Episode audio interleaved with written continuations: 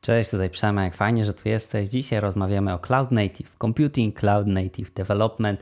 Czym jest, czym nie jest. Wszystko Ci dzisiaj wyjaśnię. Zapraszam.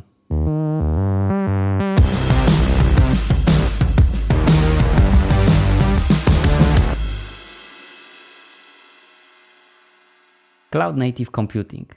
Przede wszystkim nie jest technologią, nie jest narzędziem. Cloud Native to jest podejście do tworzenia rozwiązań cyfrowych. Podejście, które z założenia wykorzystuje wszystkie możliwe benefity płynące z infrastruktury cloudowej i tego, że nasza aplikacja, nasz system jest w tej infrastrukturze osadzona. Jest taka organizacja CNCF, Cloud Native Computing Foundation, która definiuje Cloud Native jako zestaw technologii, narzędzi, procesów, e, które mają służyć organizacjom do tworzenia skalowalnych aplikacji w nowoczesnych infrastrukturach cloudowych, czy to publicznych, czy prywatnych, czy hybrydowych. Czyli to jest zestaw technologii, zestaw narzędzi, zestaw procesów takich jak CI/CD, które umożliwiają nam tworzenie rozwiązania w taki sposób, żeby korzystało ze wszystkich benefitów infrastruktury cloudowej. Możemy sobie całą infrastrukturę Cloud Native podzielić na cztery warstwy. Pierwsza to jest warstwa aplikacyjna, czyli ta warstwa, w której programista pracuje bezpośrednio na tej aplikacji. Rozmawiam tutaj o bazach danych, o obrazach kontenerów, o rozwiązaniach przesyłu informacji, wiadomości, o pipeline'ach CI/CD. Drugą warstwą jest warstwa zaopatrzenia, warstwa środowiskowa. Tutaj rozmawiamy o środowisku, w jakim ta warstwa aplikacyjna jest osadzona. Tutaj pojawiają się takie pojęcia jak infrastructure as a code, o którym opowiem w osobnym odcinku. Tutaj rozmawiamy o repozytorium, e, rozmawiamy o kwestiach bezpieczeństwa. Trzecią warstwą jest warstwa uruchomieniowa. Czyli to jest to, w jaki sposób nasza infrastruktura rozmawia z naszą aplikacją, czyli wszystkie punkty styku, tam gdzie potrzebujemy uruchomić daną funkcję, wywołać daną komendę, e, jak to funkcjonuje. Tutaj rozmawiamy o tego typu rozwiązaniach i narzędziach.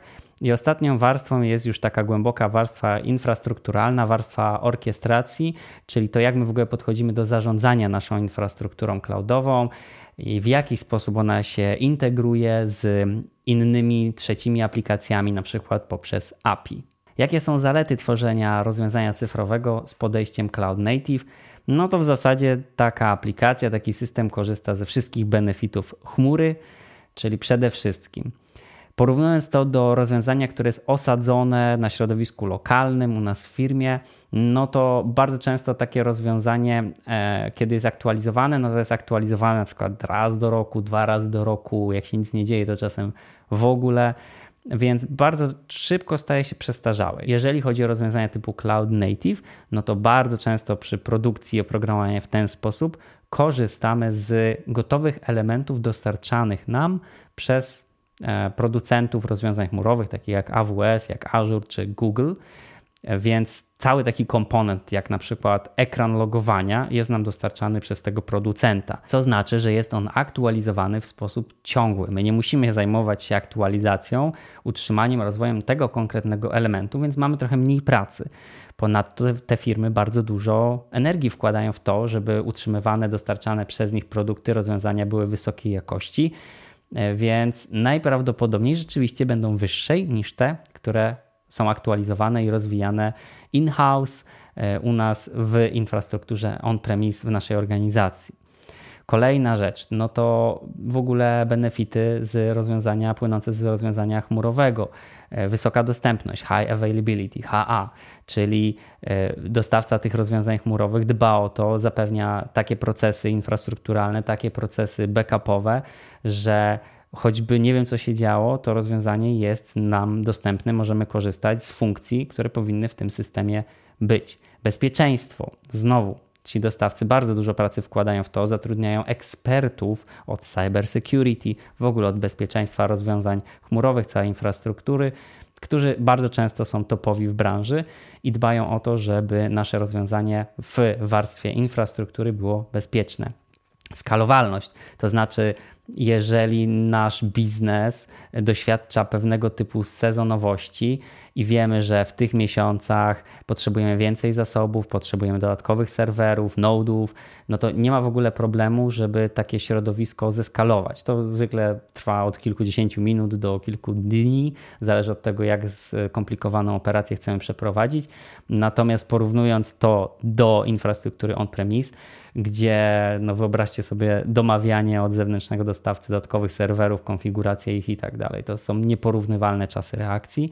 E, no i kwestia kosztów, że płacimy rzeczywiście za to, z czego korzystamy, więc jeżeli mamy wzmożony ruch w naszej aplikacji, e, na przykład jesteśmy rozwiązaniem typu e-commerce i jest Black Friday, no to bardzo łatwo jest tą infrastrukturę, więc to, na czym nasza aplikacja stoi, zeskalować w jedną czy w drugą stronę, bo jeżeli z kolei mamy przestój i nie potrzebujemy takiej mocy komputerowej, no to możemy bardzo łatwo zeskalować tą infrastrukturę w dół i po prostu mniej w tym okresie płacić. Multi-tenancy chyba nie ma polskiego odpowiednika, po prostu chodzi o to, że poszczególne elementy aplikacji, które przetrzymujemy w infrastrukturze cloudowej, czyli podejście Cloud Native, e, mogą funkcjonować na tych samych zasobach co inne elementy tej e, aplikacji, tego rozwiązania, co zwykle w świecie on-premise jest problematyczne. Downtime aplikacji czyli ze względu na to, że korzystamy z centralnych rozwiązań, które są dostarczane nie tylko dla nas, ale dla wielu, dla setek, dla tysięcy firm na świecie, możemy liczyć na to, że dobre praktyki, e, procesy, w ramach jakich poukładana jest ta infrastruktura i usługi, z których korzystamy, są zbudowane w taki sposób, że e, to, kiedy nasza aplikacja nie jest w stanie funkcjonować, to jest czas zdecydowanie krótszy, patrząc perspektywicznie, na przykład w ciągu roku, niż ten, który jest nam zapewniony w ramach rozwiązań on-premise.